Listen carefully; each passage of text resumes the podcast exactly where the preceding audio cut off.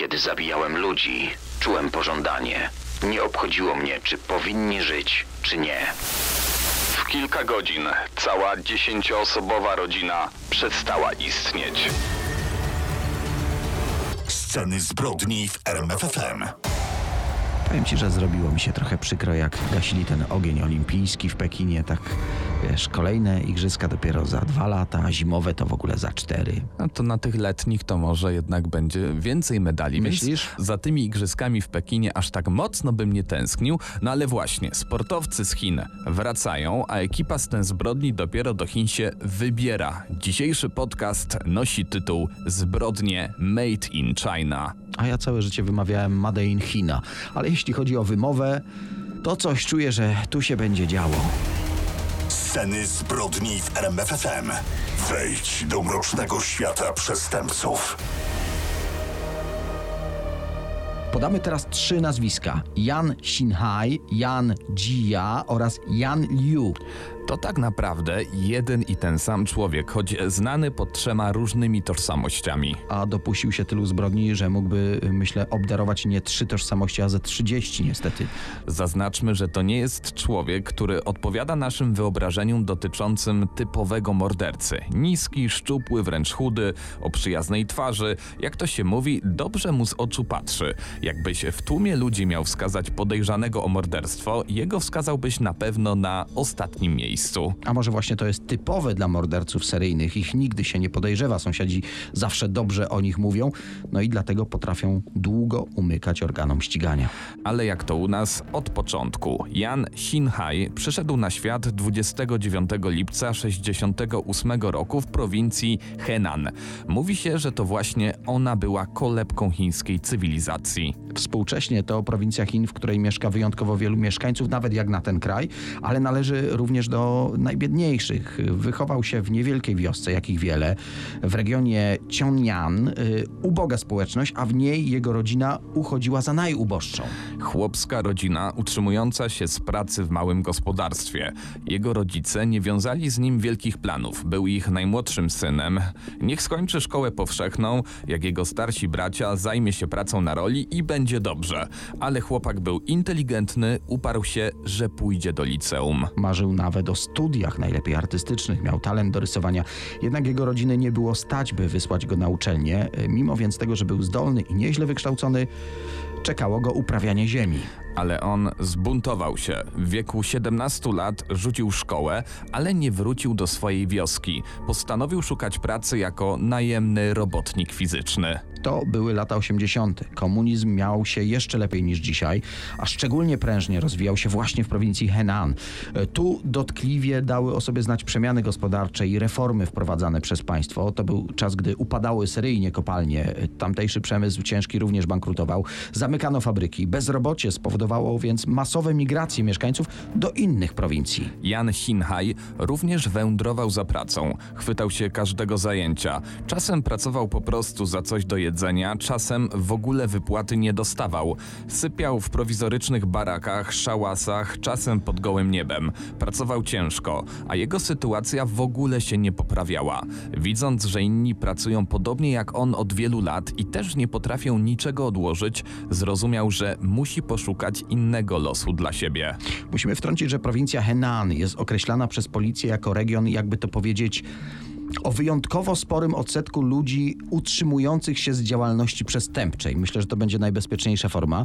E, Właśnie trudna sytuacja na rynku pracy sprawiła, że niektóre rejony Chin, szczególnie na południe od słynnej rzeki Yangtze, wręcz wyspecjalizowały się w napadach, w kradzieżach czy innych przestępstwach rabunkowych. Kto miał dość legalnej pracy z głodową pensją, ryzykował i zatrudniał się w gangach działających w bogatszych prowincjach, a tu zwykle kradzieże, napady, prostytucja, narkotyki. Jan Xinhai przez wiele lat zajmował się właśnie taką nielegalną pracą, a co za tym idzie, część życia spędził w więzieniach. Pierwszy raz trafił za kratki w 88 roku, drugi raz w 91 i właśnie ten wyrok zmienił go w bestię. Mówiliśmy, że zatrudnił się w przemyśle przestępczym, za co trafił do więzienia w 88 roku. Wyszedł z niego w 90 i postanowił się zmienić. Nadal pracował przy prostytucji i kradzieżach, ale poznał miłą dziewczynę. Zaręczyli się i mieli się pobrać. Jednak wtedy Jan wpadł po raz drugi i znów trafił do więzienia. Tym razem krótki wyrok, jednak gdy wyszedł z zakrat, jego narzeczona już była narzeczoną innego. Zdaniem chińskich psychologów badających przypadek Sinhaya, właśnie wtedy zawładnęła nim nienawiść do kobiet. Zaczął je brutalnie wykorzystywać. W roku 96 trafił do więzienia po raz trzeci, tym razem właśnie za gwałt.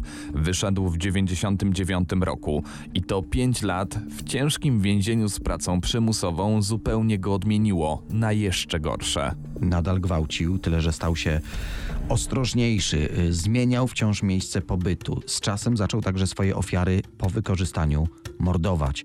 Ten pierwszy raz to był 19 września 2000 roku. Wioska Guoshang zamordował tam dwie osoby. Dwa tygodnie później zamordował już trzy osoby, a jedną zgwałcił. Do kolejnego morderstwa, tym razem poczwórnego, doszło niemal rok później, ale wtedy prawdopodobnie zrozumiał, że morderstwo jest łatwym sposobem na dorobienie się. Tak, od tego czasu regularnie już włamywał się do mieszkań i domów. Gwałcił, zabijał, czasem w odwrotnej kolejności, ograbiał mieszkania, a pieniądze wydawał w nocnych klubach na alkohol i prostytutki. Zabijając, najczęściej używał młotka, a właściwie młotków, bo na każdą kolejną akcję kupował nowy. Policja odnajdywała ciała, ale początkowo tych ofiar nie łączyła. Zupełnie różne obszary działania, cztery wielkie chińskie prowincje. Do tego za każdym razem trochę inne narzędzie zbrodni. No i większość miejsc zbrodni było ogołocone z kosztowności, co sugerowało, że był to typowy napad rabunkowy. Być może domownik nakrył sprawcę, a ten zabijał go. Jednak były mieszkania, w których ofiary zostały bestialsko zgwałcone i zamordowane, a sprawca w ogóle nie zabierał żadnych cennych przedmiotów, jakby wystarczył mu sam brutalny akt. Podkreślamy, często w mieszkaniu odnajdywano martwe całe rodziny. Mordercy nie robiło różnicy, czy zabija kobietę, czy mężczyznę. Wydaje się, że z taką samą zimną krwią mordował staruszków, jak i małe, bezbronne dzieci. To były niezwykle krwawe lata. Według danych policji w tym czasie Yang Xin-hai zamordował aż 67 osób i dopuścił się 23 gwałtów. Choć podkreślamy, policja chińska nie podejrzewała jego jako sprawcy tych zbrodni. W ogóle nie podejrzewała, że mordować może jedna osoba. Seryjny morderca, zwany później potworem z Henan, wpadł przez zupełny przypadek. W 2000 roku nasz antybohater zaczął niezwykle krwawy okres w swoim przestępczym życiu. Nocami włamywał się do domów i mordował z zimną krwią mieszkańców. Głównie były to domy rolników, słabo pilnowane. Zabijał głównie młotkiem, ale także siekierą albo łopatą. Jedna z najokrutniejszych i najbardziej bezwzględnych jego zbrodni to październik 2002 roku. Włamał się wtedy do jednego z domów, zabił łopatą właśnie ojca rodziny i także łopatą zaledwie sześcioletnią dziewczynkę. Jej matkę, która była w zaawansowanej ciąży, wykorzystał i brutalnie pobił. Myślał, że na śmierć. Kobieta doznała naprawdę dotkliwych obrażeń, zwłaszcza głowy, ale tę jatkę przeżyła. Mówiliśmy, że chińska policja nie łączyła tych zbrodni, a jednak gromadziła materiał biologiczny i zabezpieczała ślady. To pomogło w końcu połączyć te wszystkie tajemnicze zabójstwa. Przypomnijmy, pierwsze morderstwo podwójne to wrzesień 2000 roku. Ostatni raz zabił 8 sierpnia 2003 roku. Wtedy zamordował pięć osób. Zapewne zabijałby dalej, ale wpadł. No właśnie, przenieśmy się teraz do 3 listopada 2003 roku. Policjanci z Henan kontrolują, można powiedzieć, rutynowo jeden z lokali rozrywkowych w Kangzhou w prowincji Henan. Jeden z gości odmówił okazania dowodu osobistego. A jako, że ten mężczyzna zachowywał się, jak to później określili funkcjonariusze, szczególnie podejrzanie, zabrali go na komisariat w celu przesłuchania i wyciągnięcia z niego prawdy.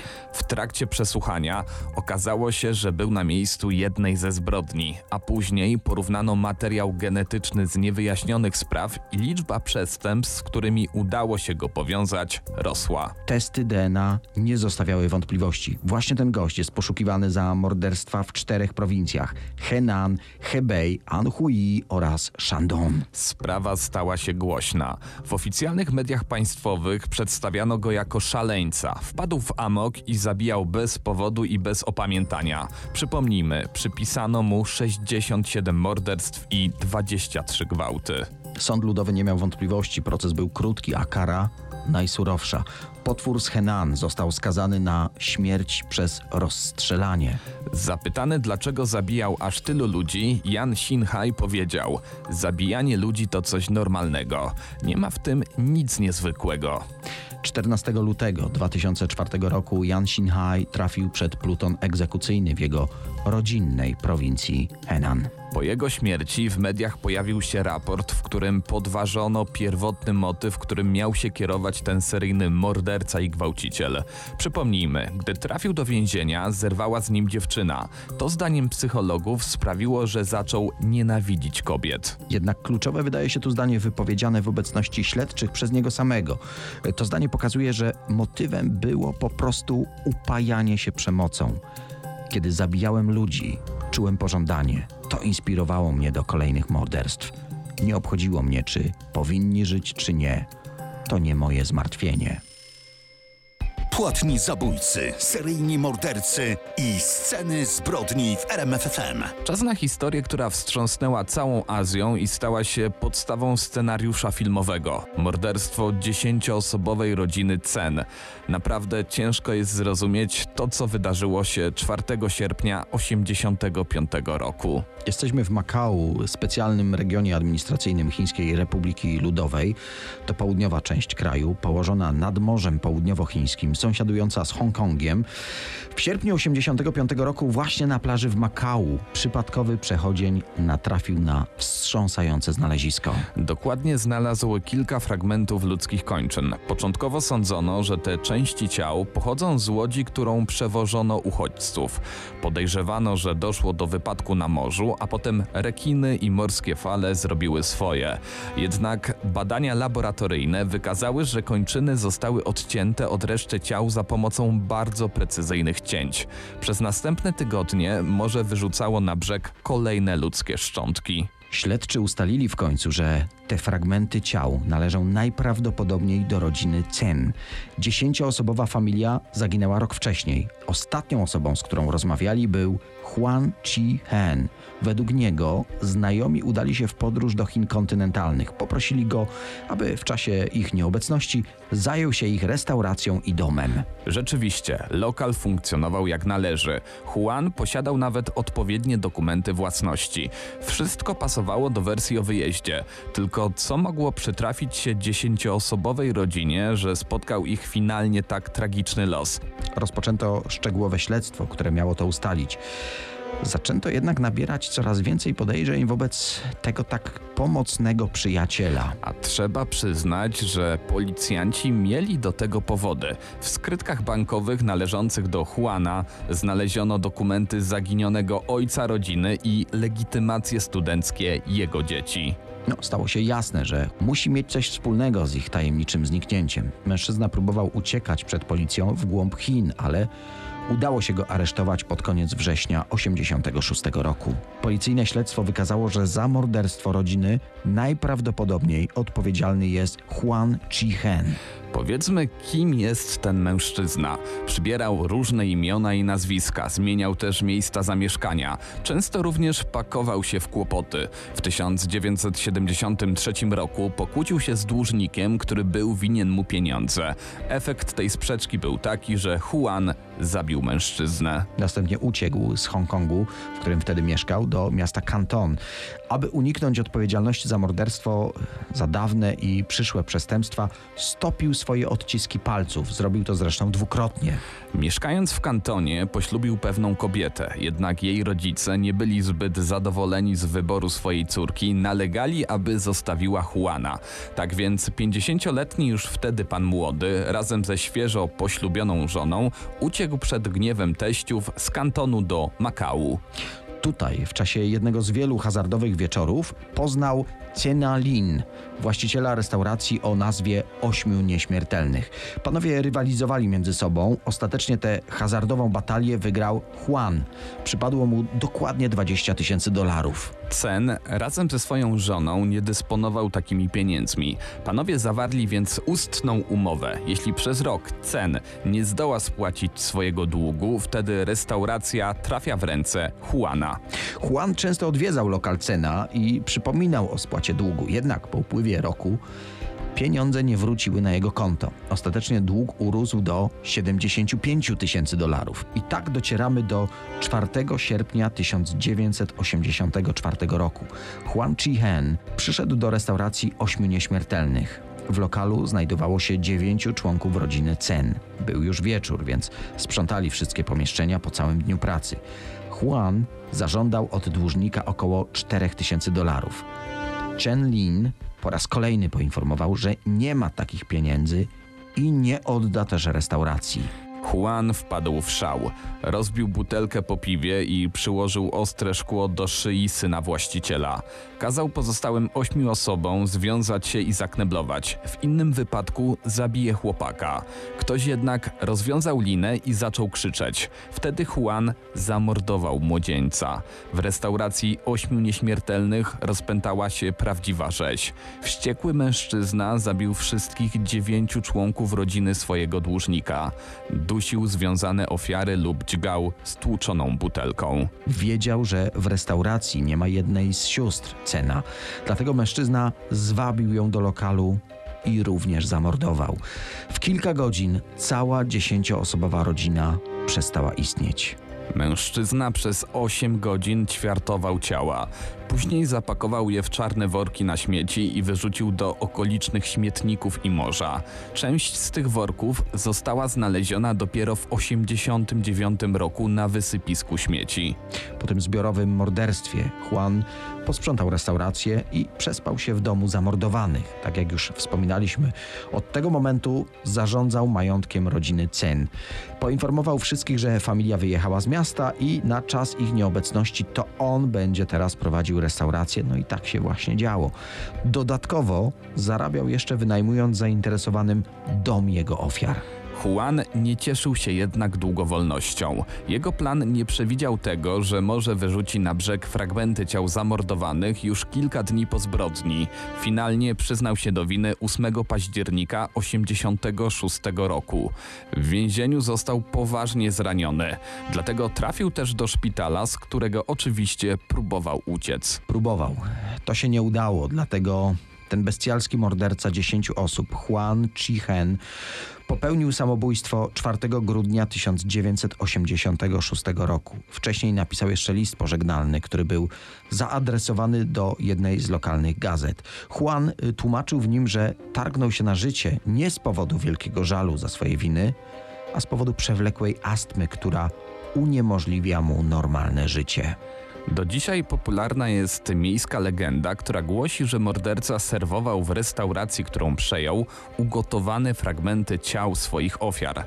Dokładnie miał je podawać w bułeczkach nadziewanych wieprzowiną. Ciężko stwierdzić, ile w tych doniesieniach było prawdy. Wiele osób wątpi również w to, że Juan działał sam. Pojawiają się sugestie, że mężczyzna miał jakiegoś wspólnika, tylko policji nie udało się go schwytać.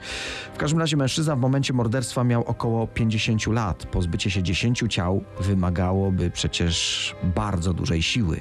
Fabularną wersję wydarzeń, o których opowiadaliśmy, przedstawia thriller The Untold Story z 93 roku. To taka propozycja dla fanów kina z Azji. Natomiast jeśli ktoś zamierzał odwiedzić restaurację ośmiu nieśmiertelnych w Makau, to muszę go zmartwić, bo lokal został zamknięty.